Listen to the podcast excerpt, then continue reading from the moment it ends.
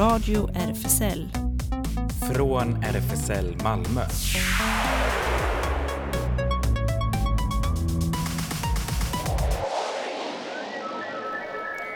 Välkommen till Radio RFSL, Riksförbundet för homosexuella, bisexuella, transpersoner, kveras och intersexpersoners rättigheter. Jonas heter jag och Här sitter Ellen. just det, fortsatt eh, i real life. Så att Precis, Säga. det Ja. Ja. börjar bli en vana igen. Ja. Vad, vad säger Nöbbelöv när du inte är där? Ja, det är klagomål. Ja, det- jag förstår det. We Lika nöjda som Ellen. eh, ni är med att jag nu är här så är det missnöje därifrån. Ja, Ja. aldrig kan man göra alla glada.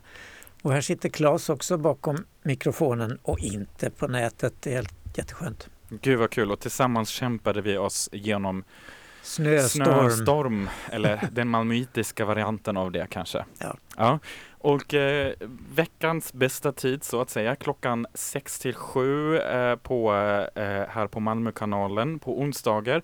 Och vi har mycket då eh, som vi bjuder på idag. Vi har veckans gäst som är då Joakim Månsson Bengtsson från Lund.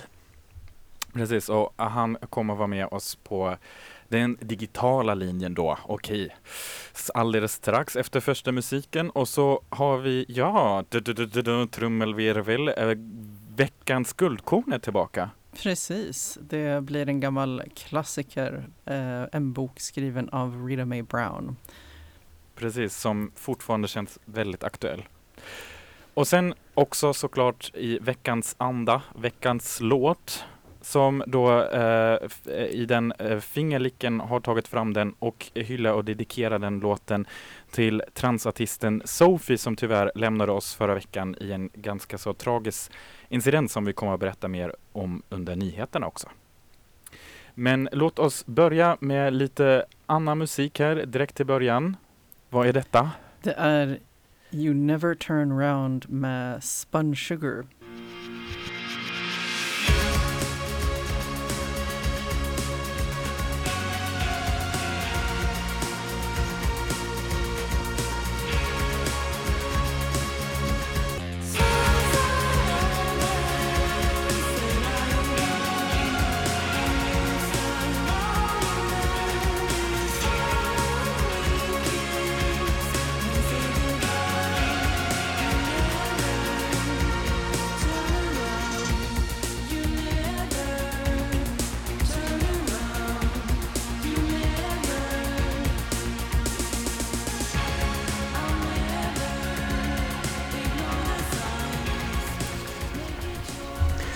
Hej Joakim, du är med oss har jag förstått.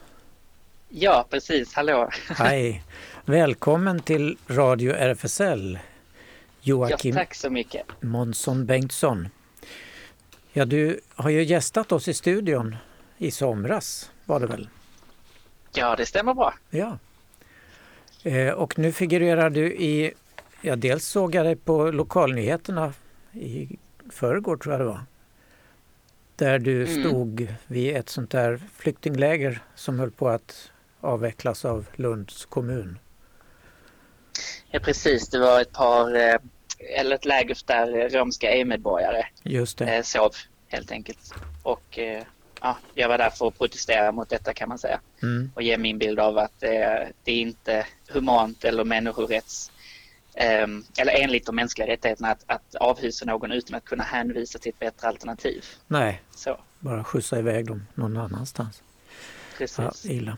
Fast eh, det är inte därför du är här nu utan det är dels det är för eh, en artikel i eh, en av de här alternativa tidningarna alldeles nyligen om hot som politiker utsätts för och det är ju väldigt, väldigt allvarligt. Inte hot enbart mot politikern utan mot hela demokratin.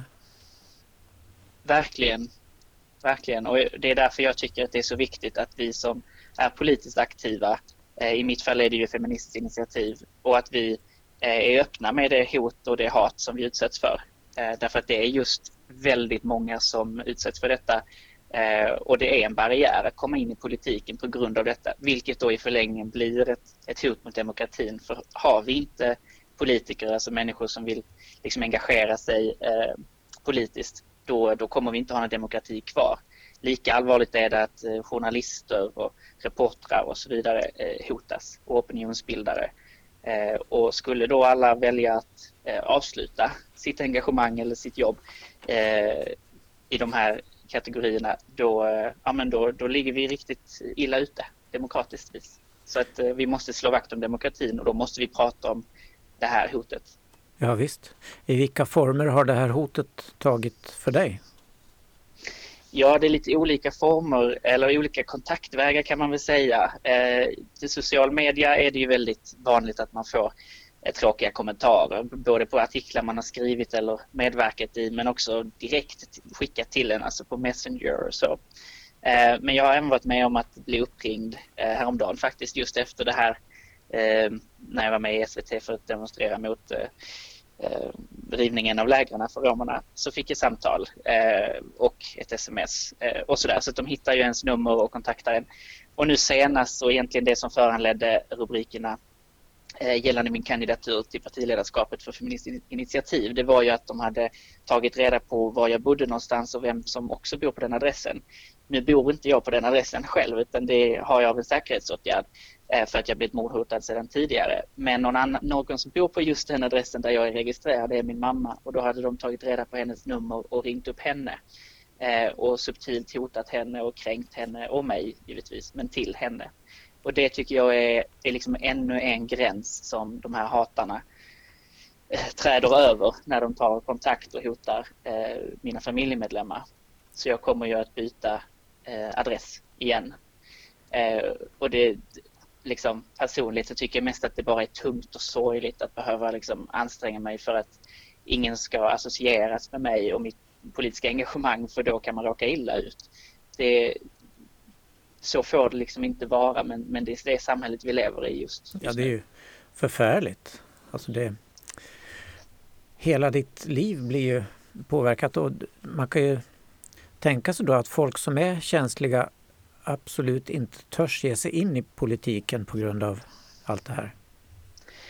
Nej men precis, det blir ju en extra barriär och också för, för alla oss som på något vis tillhör eh, minoriteter i samhället, där är det redan en barriär så att säga. Eh, men eh, så att liksom de här hatarna och hotarna de tar gärna, ehm, tar gärna sikte på just vår sexuella läggning då i mitt fall eller eh, vårt engagemang för andra minoriteter eller ja men du vet försöker gå på oss både både personligt och privat och det vi, sakfrågan i, i liksom som vi håller på att engagera oss för. Och det är den här kombinationen som kan bli lite läskig för hade man bara pratat om sakfrågan så tror jag att det hade varit lite lättare att avskärma sig men när de går in och eh, ja, säger fruktansvärda saker om en eh, på grund av en sexuella läggning och, och så det är det tar, det tar emot. Eh, det låter, jag låter ingen tysta mig men jag kan ju ändå vara ärlig och säga att det är klart det tar emot och det sårar för att det här har vi många, inte alla kanske men, men många har redan varit med om detta i barndomen. Det är ingenting som man vill vara med om när man är vuxen också. Nej, verkligen. Alltså hbtq-fientligheten till exempel. Vad, vad kan du göra åt det? Har du polisanmält och sånt där eller vad händer? Ja, jag polisanmäler alltid. Jag har en jättegod dialog med polisen i Lund eh, som är väldigt eh, lätta att få tag i och de är engagerade. Eh, och, ja, men det är, jag har en väldigt bra kontakt där. Så att jag resonerar ju tillsammans med dem om vilka säkerhetsåtgärder jag ska ta till.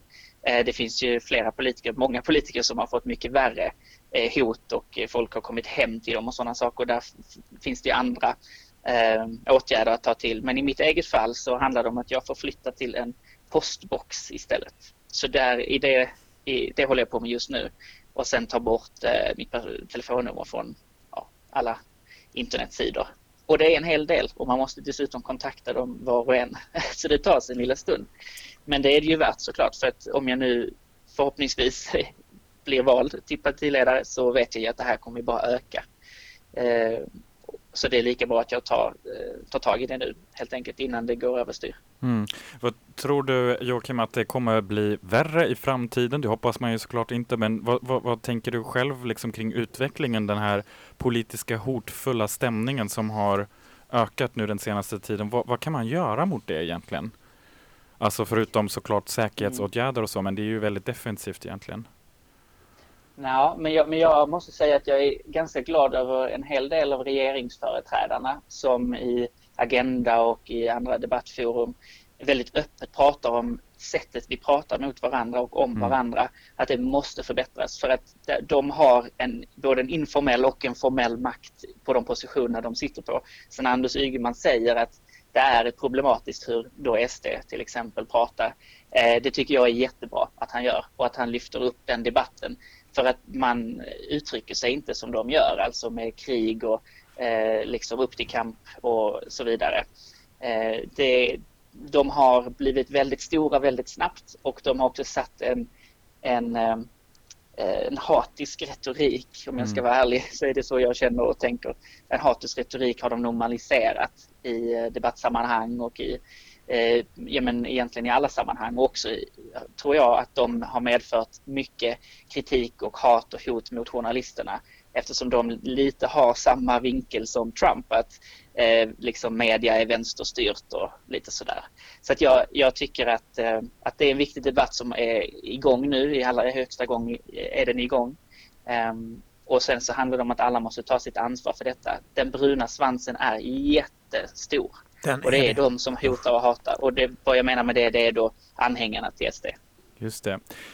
Ja, du kommer ju hänga kvar med oss nu en liten stund och vi kommer alldeles strax prata om också om dina planer som uh, att satsa nu på att bli partiledare för Feministiskt initiativ och också ett annat tema som faktiskt Claes är väldigt angelägen om också. Um, och, men innan dess så ska vi spela en liten önskelåd. Du har valt en låd. Vill du berätta vilken du valde? Ja, när jag får, när jag får välja, välja låt så väljer jag alltid en slager. Och förra gången jag var här då valde jag Nanny Grönvall och nu blir det Charlotte Parelli med Tusen och en natt. Nu ska vi dansa till lite kärleksfull musik tänkte jag. Yes, det ska vi.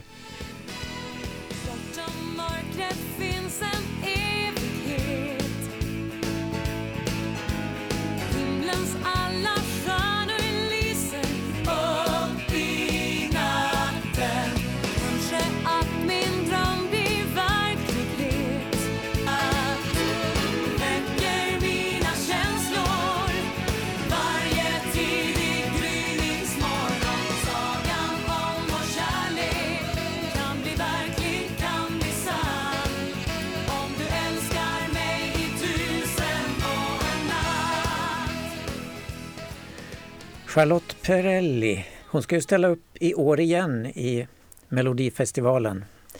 Det tycker du väl inte är så dumt, eller hur Joakim? Nej, det tycker jag är jättebra faktiskt. Jag ser så mycket fram emot det. Det börjar väl redan nu på lördag tror jag? På lördag börjar det, mm. ja. fantastiskt. Vi... Som vi har längtat. Ja, äntligen. Fast det blir digitalt då förstås. Ja. Ja. Jaha, eh, Joakim, Månsson Bengtsson har vi med oss här, politiker i Lund i Radio RFSL. Dina framtidsplaner, du siktar nu på att bli partiledare för Feministiskt initiativ. Hur tror du det kommer att gå? Ja, det vet jag inte riktigt, men jag, jag får ju hoppas eh, att jag får möjligheten att, att företräda Fi. Det är ett väldigt kärleksfullt parti. Eh, kärleken som drivkraft är för mig eh, en slogan som partiet har haft sedan länge, men för mig är den otroligt talande. Eh, vi har en omsorg för allt levande på planeten och det är det som styr oss. Eh, och jag, jag tycker att det skulle vara väldigt, väldigt fint att få företräda partiet. Sen alla andra som har kandiderat är fantastiska företrädare också. Så att oavsett hur det slutar så kommer jag bli väldigt nöjd ändå. Okej. Är det, jag är inte så insatt i FIS struktur. Har ni två ledare som i Miljöpartiet eller? Vi har möjligheten att ha tre faktiskt. Tre, okej. Ja, så ett mellan en och tre har det varit alltid. Men eh, jag skulle vilja säga att majoriteten av tillfällena så har det varit två stycken. Och det tror jag, jag tror själv att det är ganska klokt att vara några stycken eftersom vi är det enda partiet eh, som ändå liksom ställer upp till riksdagen och som sitter i många kommuner men som eh, inte har arvoderade eh, partiföreträdare utan vi har det som ideell basis. Liksom. Eh, och då, då tror jag att det vore bra att vara lite fler. Det låter verkligen som. Lite mm. skillnad mot de stora partierna då, där lönerna är ganska höga. Så är det. Ja. Eh, du representerar Fi i Lunds... Eh... Nej, inte längre faktiskt. Alltså, jag har ju suttit i kommunfullmäktige eh, för först Miljöpartiet, sen så gick jag över till Fi så jag blev formellt politiskt vilde som det heter. Eh, men jag lämnade partipolitiken, eller kommunpolitiken eh, för några år sedan och nu är jag socialpolitisk talesperson för Fi. Eh, men har ingen förtroendevald position i Lund längre. Däremot bor jag kvar i Lund. Okej. Ja, och när är det dags för val till denna post? I mitten av mars äger det rum och vi får veta i slutet eller senare i den här månaden ja, förmodligen i slutet av, av februari, eh, valberedningens förslag. Okay. Så det är spänt just ja. nu. Oh. Vi håller tummarna för dig. Ja. ja, tack. Du, ditt eh, medborgarförslag i Lund om regnbågsövergångsställen, det fick ju eh, det inspirerade mig att göra ett likadant förslag här i Malmö. Men ditt förslag blev mycket mer populärt än här i Malmö. Det är fortfarande bara 87 personer som har röstat på på det i Malmö. Så det fattas 13 för att det ska tas upp. Men ditt ska upp till behandling nu eller? Ja, om exakt en vecka kommer det komma upp och idag släpptes dessutom handlingarna så precis innan vi startade igång programmet så har jag tittat på förslaget från, eh, från tjänstepersonerna. Så tjänsteskrivelsen föreslår att man ska måla eh, regnbågar men inte på eh, vad heter det, övergångsställena. Och det var liksom så man kan säga en halv vinst för förslaget. Eh, det kommer att synas regnbågar i Lund och i byarna om förslaget går igenom. Eh, alltså tjänsteskrivelsen går igenom så som tjänstepersonen har föreslagit det. Eh, jag tycker fortfarande att man kunde vara modig som politiker och tjänsteman och måla på regnbågs eller på övergångsställena. Vad, vad För det finns det... möjligheter till det. Men ja. Vad tror du var, var anledningen till varför man inte vill göra just det? Anledningen i tjänsteskrivelsen är att eh, det finns en nyansskillnad mellan vit och gul som är för liten för eh, tillgänglighets, av tillgänglighetsskäl. Mm. Men det här är inte omöjligt och i mina egna, liksom, tänker jag till det, eh, kring det så tycker jag att då kan den lika bra vara vit. Det gör inte jättestor skillnad utan det kommer fortfarande att vara en ganska tydlig regnbåge. Men jag, förstår, jag förstår att tillgänglighetsaspekten är jätteviktig också. Ja, för, för bortsett från att det är kul med lite mer synlighet så tror jag att en regnbågsfärgat övergångsställe det är ju det är ju hur bra som helst. Jag har ju sett sån här, äh, det, det, ökar ju definitivt medvetandet om att det här är ett övergångsställe och då ska man sakta ner. ja men verkligen. Eh, för väldigt många i alla fall. Sen finns det såklart personer med synskada eller så som eh, kanske inte kommer att se, se det lika bra. Eh, men jag, jag tror att man skulle kunna lösa det. Eh, och det är andra kommuner som har löst det. Ja, det är det. Det finns ju över hela världen. Ja, så att det, det, kan man lösa om man bara vill. Eh, men jag är fortfarande glad att eh, tjänstepersonerna sa det är viktigt eh, med regnbågar. Det är en viktig aspekt både i ett barnperspektiv, stod det, för att det är en otroligt eh, laddad och viktig symbol för såväl vuxna som barn att få ha i sin, sin närhet för det symboliserar mångfald och acceptans och så vidare.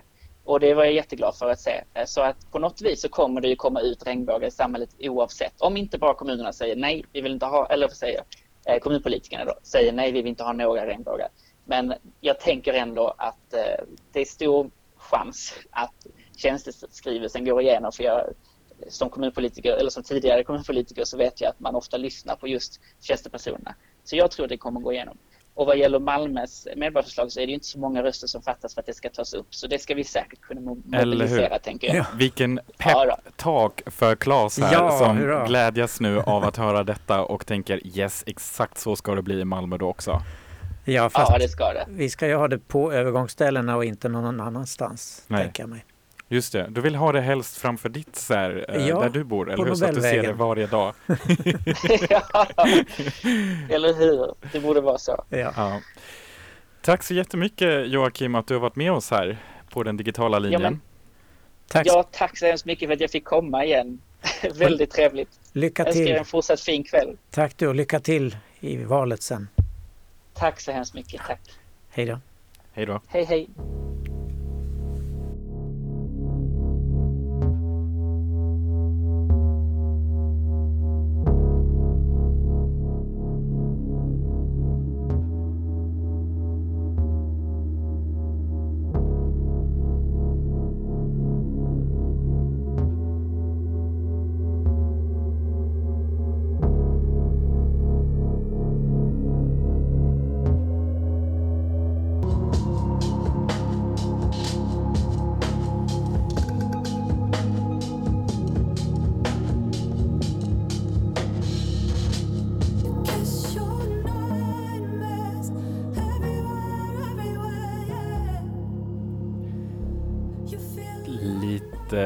Musik från Tyskland här igen som förra veckan. Eh, Sophie Hunger här, There is still pain left i en remixversion här som Klas plockat fram, Anja Schneider och Tony Planet. Och eh, jag får ju lägga till, just det, inte direkt Ja, hon bor i Tyskland men nu sa jag det värsta man kan säga. Hon är egentligen från eh, Schweiz eh, ursprungligen. Så, Åh, vad arg hon hade blivit. ja, eller hur? Hon kanske ringer in nu. Ja, precis. Direkt. Eh, jag misstänker det också. Ja. Mm. Eh, får man gärna, gärna kolla in, har ett nytt album ute nu också, så om man är inne på att leta lite, eller hitta lite ny musik kanske. Och nu, Ellen, eller hur? Så Ja. Eh, är det ju dags. Och du, vet du vad som händer nu? Att, ja, ja, ja, just det. Jag letade fram den här eh, vignetten eller signaturen som vi hade för just detta. Veckans guldkorn. Fantastiskt. Perfekt. Veckans guldkorn är tillbaka här på Radio RFSL. Ja, och det blir då i form av ett boktips. Jag pratade faktiskt med en av mina kollektivsambos som råkade nämna den här gamla klassikern och så kom jag på att den kan jag ju prata om. Eh, från 1973, Ruby Fruit Jungle av Rita Mae Brown. Och eh, jag läste den nog första gången eh, någon gång tidigt 90-tal. Eh, var det väl någon som stack den i handen på mig eh, som jag läste då som ung vuxen boendes i Japan så jag får själv lite sådana eh, minnen och jag hade väl inte liksom eh, tänkt så länge innan dess att jag var flata eller det var väl liksom jag var både ung vuxen och ung flata så att säga vad gäller mitt eget medvetande. Eh, så det var ju en bra bok att läsa. Den är, har väl blivit som en klassiker mycket för att den, eh, den är ju uppenbart väldigt självbiografisk. Um, Rita Mae Brown, hon har en huvudkaraktär som ganska uppenbarligen är henne själv då. Um, Molly Bolt tror jag att uh, hon heter. Och uh, man följer den karaktären eh, ja, ända från barndomen faktiskt men eh, och ja, under 20 år. Jag tror att den, den är väl liksom från eh, från sent 40-tal till sent 60-tal som, som den sträcker sig. Eh, och det är ju liksom hennes eget, eget liv då. Och eh, jag kan läsa ett citat ur, ur början. Det finns eh, många bra, men här finns ett från början av boken. No one remembers her beginnings. Mothers and aunts tell us about infancy and early childhood, hoping we won't forget the past when they had total control over our lives, and secretly praying that because of it we'll include them in our future. Uh, och eh, den är ganska signifikant för att eh, av många anledningar men dels för att både huvudkaraktären i boken och hon själv då på riktigt, författaren, var adopterad. Men det visste hon inte förrän hon är kanske sju år eller så. Och sen så får hon faktiskt veta av något, något annat barn som har hört det här ryktas om att hon skulle vara ja, eh, eh, någon typ av bastard eller så här, oäkting som inte var önskad och eh, blev adopterad då. Och eh, så man, följ, man följer henne och sen så eh, blir hon, ja som kanske i tonåren så, så är det en tjej som hon träffar och så ser man då att hon, eh, det utvecklas en samkönad relation och eh, så flyttar hon därifrån när hon är ja, sena tonåren, kanske börjar på universitet. Eh, och ja, hon kommer in i, i liksom vad vi kanske skulle kalla för queer-kretsar nu. Eh, oj, nu försvann mitt, nu hör inte jag mig själv. Oops. jag hoppas ni hör. Men du hörs ute. Glapp kontakt i våra kontakter här inne. Ja, just det. S- eh, så länge ni hör mig så. Eh, men eh, ja, så nu är jag tillbaka för mig själv. Och man följer då hennes, när hon kommer in i, i queer-kretsar, hon är ett tag i New York, hon är i ja, Kalifornien olika delar och sådär och ett tag så är hon väl mer eller mindre en, en så kallad kept woman. Eh, när hon först kommer dit så har hon inga pengar, hon eh, ans ansågs se bra ut så ja, hon får liksom bo hos så här, en del äldre kvinnor som betalar hennes uppehälle och sådär. Uh, och så. Och uh, ja, det finns, den är också väldigt, väldigt rolig. Uh, hon ligger runt massor och sådär. Och jag minns eh, en eh, del där vid något tillfälle så Eh, Eh, så ligger hon både med någon jämnårig kvinna och den kvinnans mamma fast dottern och mamman vet inte om detta och de vet heller inte om att den andra är flata så att det är vid något, ja det är säkert man kan hitta bland citaten också att det är vid något tillfälle när hon är med mamman så säger mamman Don't tell, uh, don't tell my daughter it would kill her och sen så är hon med dottern oh, Don't tell my mother it would kill her. Så här, att veta att jag är flata då. så, Just det, och, men Ellen, varför tycker du att den skulle vara aktuellt att läsa just nu också? Eh, ja, jag tänker att det är sådana saker som är eh, relevanta. Dels så här, eh, den här idén om ursprung, det kommer hon väldigt mycket in på liksom det manliga att hon var adopterad eh, och också ja, ursprung och autenticitet, äkthet eh, är liksom kommer upp väldigt mycket nu eh, också alltifrån liksom att ja, man ska ju vara någonstans ifrån. Man, eh, ja, det finns ju fortfarande idéer om att familj är någonting som är definierat av biologiska band och eh, också med sexualitet och könsidentitet eh, så förväntas man ju också ha, liksom, ja, passa in i ett statiskt fack. Eh, även om det är självvalt, även om det accepteras att, att man befinner sig utanför könsnormer eller utanför eh, sexualitetsnormer så ja, finns det ofta ändå förväntningar att det, det, ska vara liksom, man ska ha valt valt vissa fack och hålla sig inom dem ändå liksom och, och eh, sådär och vi behandlar varandra mycket, ja, hur, beroende på hur vi läser varandra och sådär. Så, mm. eh, så ja, och sen också klass är ju också relevant. Eh, Uh, hon har fattig, fattig uppväxt och, men hamnar på universitet där det är liksom massa privilegierade uh, kursare. Ja, sådär. Så det är liksom allt sånt som är fortfarande Just det. vi stöter på idag lika och mycket. Du, jag hittade att det finns väldigt många så här låtar, framförallt då skrivna av män, konstigt nog kanske inte alltid mina favoriter, men till, som har då Rita May som titel och blir lite sån hyllning som den här till exempel om vi bara hör en jätteliten snutt.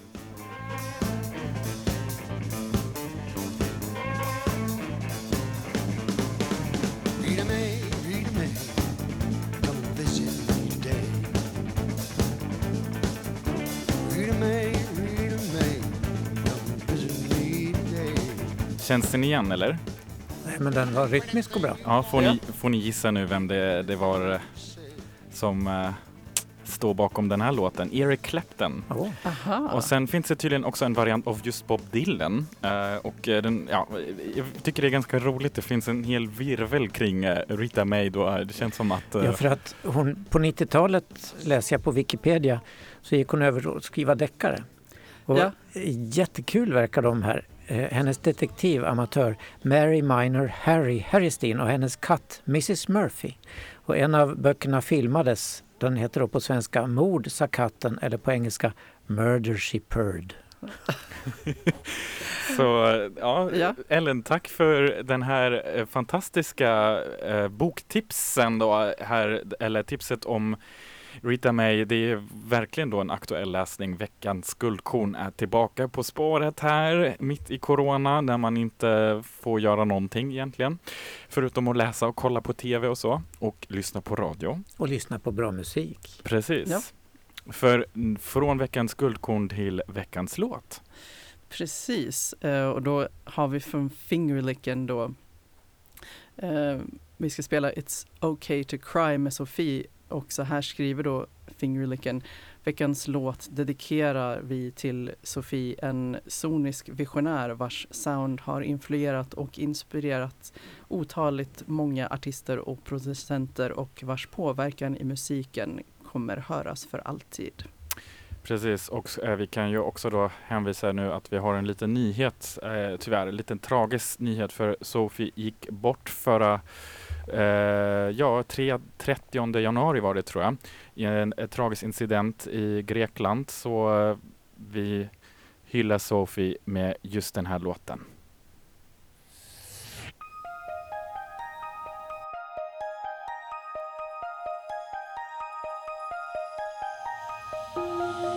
I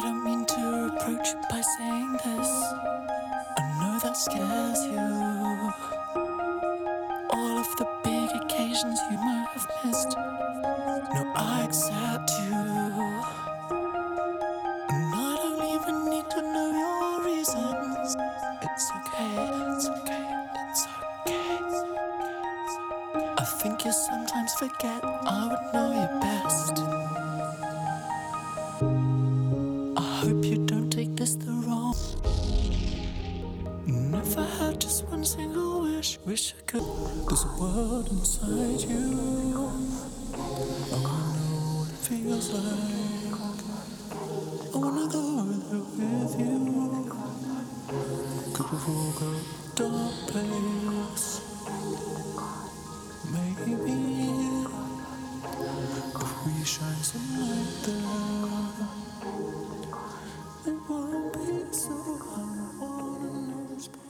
It's okay to cry. Sophie här och vi tackar Fingerlicken för denna, eh, det valet av den här låten. Och från veckans låt rakt över till nyheterna.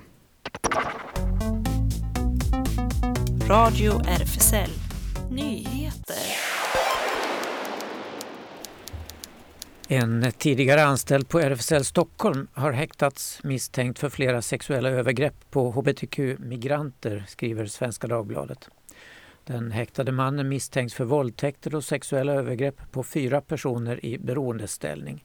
RFSL Stockholm kritiseras för att inte i ett tidigare skede ha polisanmält eller stängt av mannen trots upprepade larm.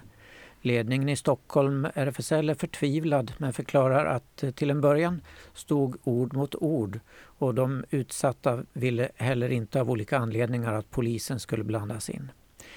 Inga ord är tillräckliga för att beskriva den förtvivlan och medkänsla jag känner för de som utsatts.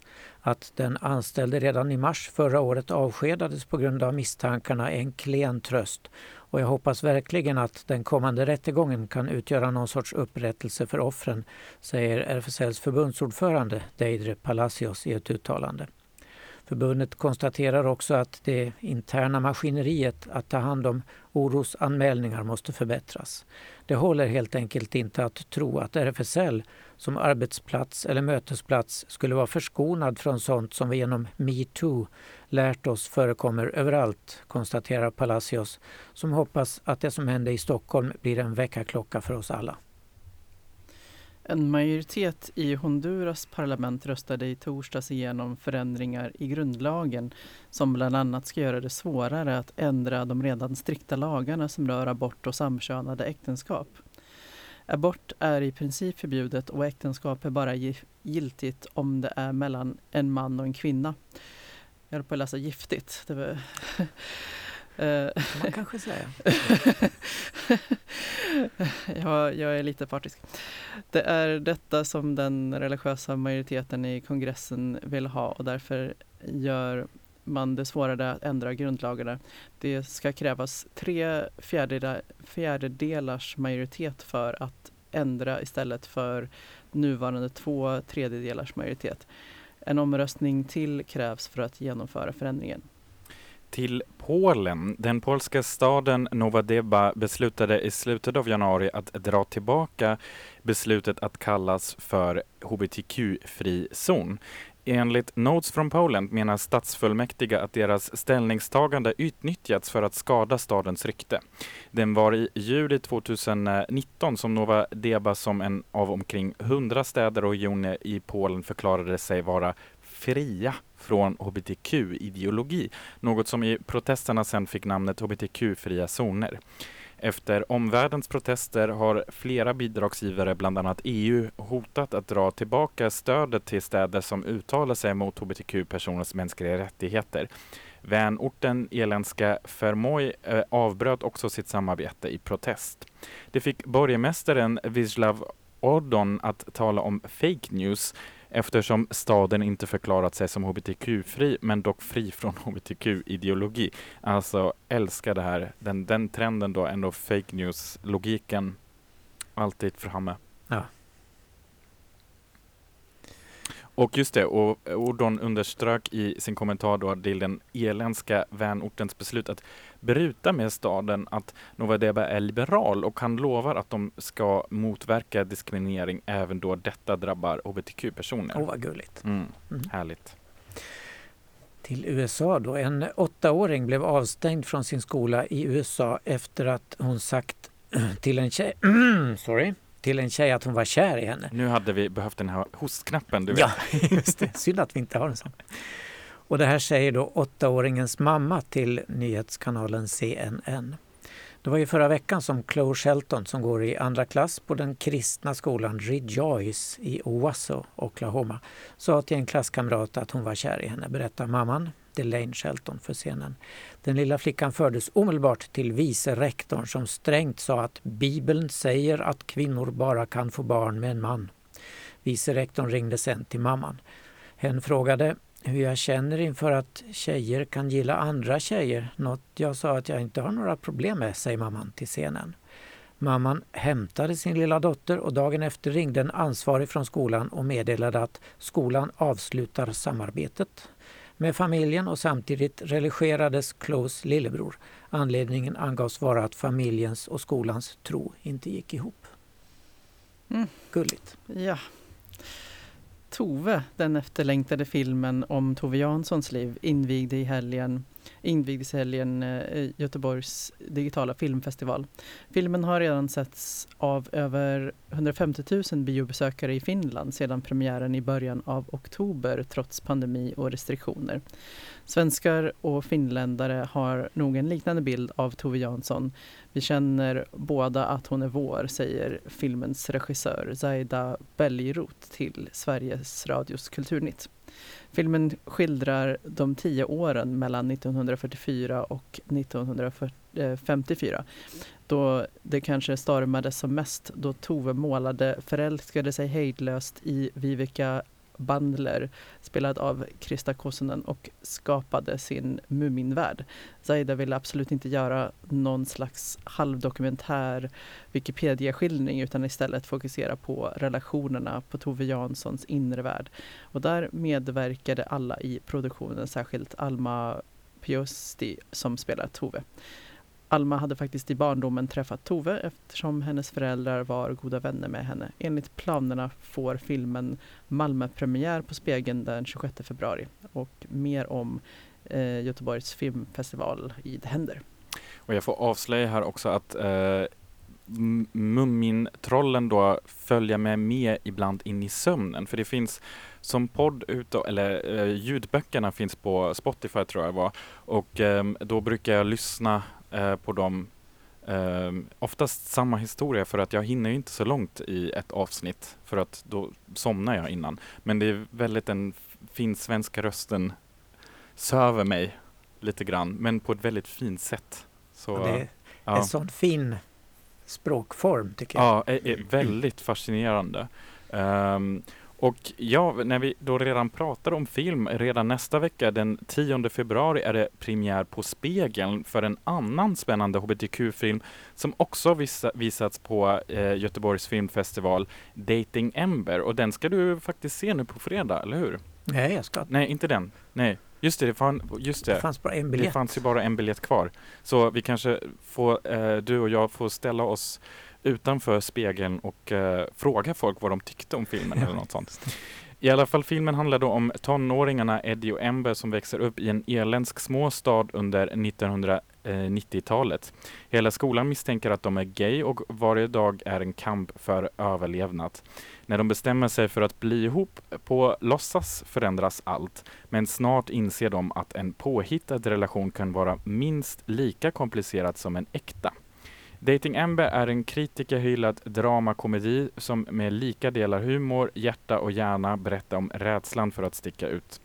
En av de senaste årens främsta uppväxtskildringar från de brittiska öarna.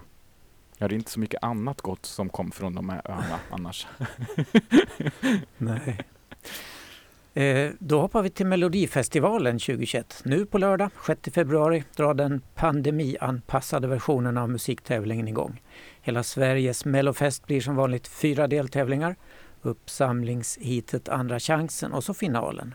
Allt pågår mellan 6 februari och 13 mars. Men i år ingen turné. Alla deltävlingar kommer att sändas från Globens Annexet i Stockholm. Bland de tävlande märks till exempel Arvingarna, Danny Saucedo, Anton Ewald, Eva Rydberg och Eva Ros, Patrik Jean, Dotter, Charlotta Perrelli och Erik Saade och många fler. Det blir många programledare också men alla tillsammans med huvudledaren Christer Björkman. I deltävling 1 leder Lena Philipsson, tvåan Aniston Demina Oscar Sia, trean Jason Diakité, deltävling 4 Per Andersson och Pernilla Wahlgren, andra chansen Shirley Clamp och finalen den 13 mars Måls Zelmerlöw och Shima Niavarani. Men Claes, den viktigaste frågan är ju, vem är din favorit? Det vet jag inte ännu. Nej, Vi... har du ingen sån aning om vad du skulle alltså så här, nå, så här, gissa, tipsa på? Nej, Nej, det har du inte. Du jag blir har- överraskad helt jag har enkelt. inte satt mig in i detta ännu. Nej. Nej. Vi håller oss till musiken. Eh, en väldigt tragisk nyhet. Den brittiska artisten och musikproducenten Sophie har omkommit i en fallolycka. Bara 34 år gammal uppger hennes talesperson. Dödsolyckan skedde i lördags morse, äh, morse i Aten där Sophie bodde. Enligt uppgift klättrade Sophie upp på ett tak för att se fullmånen där hon halkade och föll.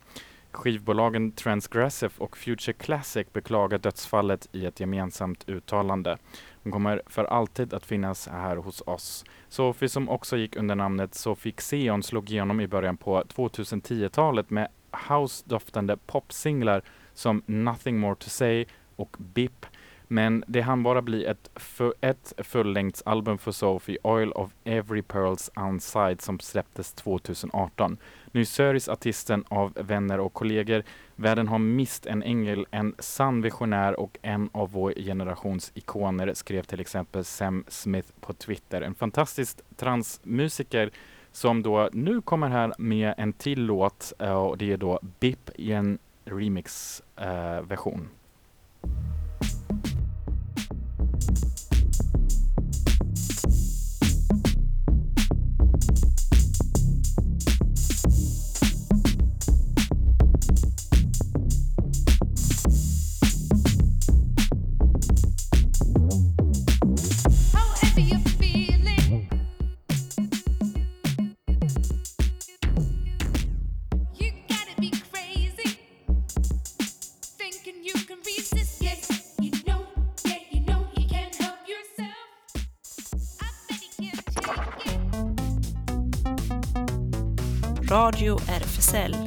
händer. Du lyssnar på Radio RFSL som är en del av RFSL Malmö på Stora Nygatan 18 har RFSL Malmö lokal och det är verkligen dags om man nu dubbelkollar och kanske varit medlem i RFSL förra året men inte förnyar sig inte automatiskt så då får man verkligen gå in och eh, swisha de här eh, 100 kronor tror jag det är, eller hur? Um, precis, och på, det är nämligen viktigt för då vill man ju säkert kunna rösta också söndagen den 28 mars, verkar långt bort men kommer snart. Kallelse kommer då också till alla medlemmar just. Uh, årsmötet nämligen är då det som äger rum den 28 mars och det känns viktigt, eller hur? Och eh, annars, vad är det som händer? Ja, vi håller oss till Zoom och sociala medier och eh, alla de digitala möjligheterna, även om vi längtar såklart efter att få omgås igen på riktigt. Eh, Malmo.rfsl.se, där hemsidan och Facebook kan man också kolla. Bland annat då LGBT Gamey Time, eh, gruppen för unga newcomers, är en aktivitet på nätet nu närmast igen den 13 februari. Och Seniorcaféet, eh, hur går det då? Ni har ju eh, Café Banjo. Ja, och det är på Zoom. Men eh, man kan då ta sin fika Just det. ihop med oss alla där. Mycket trevligt. Ja, du var ju med. Vi hade frågetävling i Ja. söndags. Men Mm. det gick inte så bra för mig. Men eh, i övrigt var det... ja, det var lite nedslående. Jag fick eh, hela tre rätt av 15. Men eh, Det var svåra frågor. ja, tack. Kvinnohistoriska var de Ja, till och med.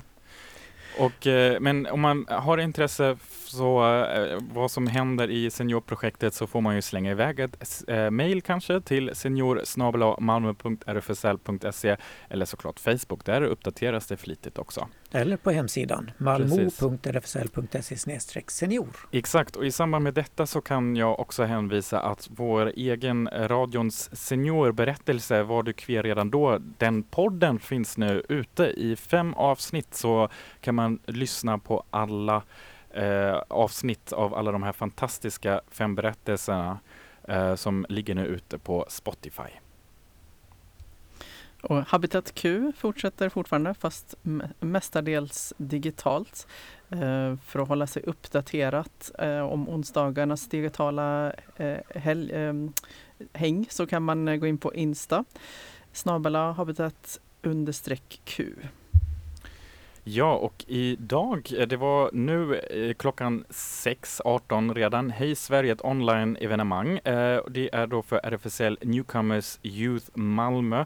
Helt enkelt också ett sätt att eh, lära känna varandra, träffa nya personer och lära sig kanske den, det ena eller andra om just Sverige. Och då kan man eh, gå in på Facebook. Det är varannan vecka då på onsdagar mellan 6 och eh, klockan 18 och 20 och man får då en Zoom-länk 30 minuter innan eventet. Så håll utkik efter eventet Hej Sverige. Vi kan också länka ut till den Facebook-sidan. Och nästa onsdag den 10 februari klockan 11 blir det en paneldiskussion om Women's Strike in Poland heter det. Och det är organiserat av Sveriges genusforskarförbund i samarbete med eh, vad heter det?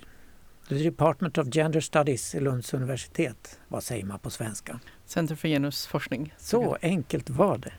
Ja, och där, hur hittar man den då? Man går in, vi kan lägga ut en länk till detta på vår Facebook. Ja, och eh, ännu mer digitalt. Tisdag den 16 februari så blir det lunchföreläsning. Vit melankoli, en analys av en nation i kris. Välkommen på lunchföreläsning med forskarna Tobias Hübinette och Katrin Lundström. Under föreläsningen kommer de berätta om det, melanto- det melankoliska tillstånd som de menar att Sverige befinner sig i som en följd av förlusten av både det homogena Sverige och det solidariska Sverige. Så till det också. Och det är inte på Zoom, det är på Teams. Så man måste ju också alltid hålla koll på alla de här. Vilken? Den har jag varit minst i faktiskt, Microsoft Teams får jag avslöja. Ja, och eh, om man inte har fått nog av Klas röst så då kan man ju lyssna på den här frekvensen i morgonbitti eh, här på Malmökanalen eh, torsdag eller på fredag, nämligen eh, varje, eller då torsdag och fredag klockan kvart över åtta, väldigt tidigt, kanske passande till morgonkaffet, rapporterar då Claes om umm, kultur och film i Malmökanalens morgonprogram Malmö Direkt. Det sänds varje vardag mellan klockan 7 och 9.30. Du kan ringa in, önska musik och skicka hälsningar. Man kan bli medlem också i den förening som sänder de här morgonnyheterna och musiken och då kollar man enklast hemsidan malmokanalen.se. Och tillbaka till filmen. Klas. It's a sin. Ja, det tänkte jag också på. Den berättade du om förra eh, veckan, men jag tänkte mer på filmfestival. Just det, Göteborgs filmfestival. hade jag redan glömt. Ja, men den eh, pågår nu fram till den åttonde och det blir totalt 11 dagar. Eh, och man kan köpa ett sånt här digitalt 11 dagars pass, men det kanske är lite sent. Däremot kan man köpa 24 timmars pass också. Eh, och då kan man titta på hur mycket film man vill under de 24 Och verkligen timmarna. sluka massor av filmer på ett dygn. Mm. Det är fantastiskt. Det är, eh, verkligen gå in på den hemsidan. De har det här, den här gången verkligen fantastiska filmer som jag tyvärr ändå kanske skulle ha sett gärna på biograf också. Men nu slipper man ju åka till Göteborg. Så det finns också något positivt i det hela, eller hur? Och så kommer de ju ut. Alltså på spegeln har vi två av dem på gång. Ja, just det. Vi vet, Claes är sugen på spegel och lite fika. Ja, jag tycker Eh. vi måste gynna dem nu som jobbar och försöker hålla igång trots Ja. pandemin. Ja, verkligen. Yes, så även om du kanske har något tips du som lyssnar och någonting som vi inte har tagit upp här så då är det bara att höra av sig. Som man brukar säga, slida in i våra DMs, eller hur? Mo- Mycket modernt språk. På Instagram eller skriv oss på Facebook då också där vi finns och som vanligt läggs även den här sändningen ut som podd sen i efterhand. Och vi avslutar med lite musik som vanligt. Bicep Casanova och tackar för idag. Tack och hej! Hej!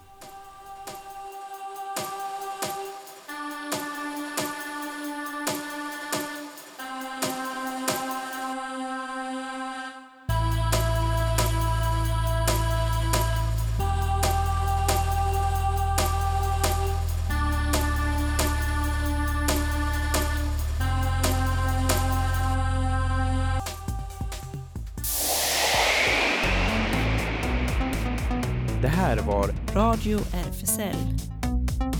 från RFSL Malmö.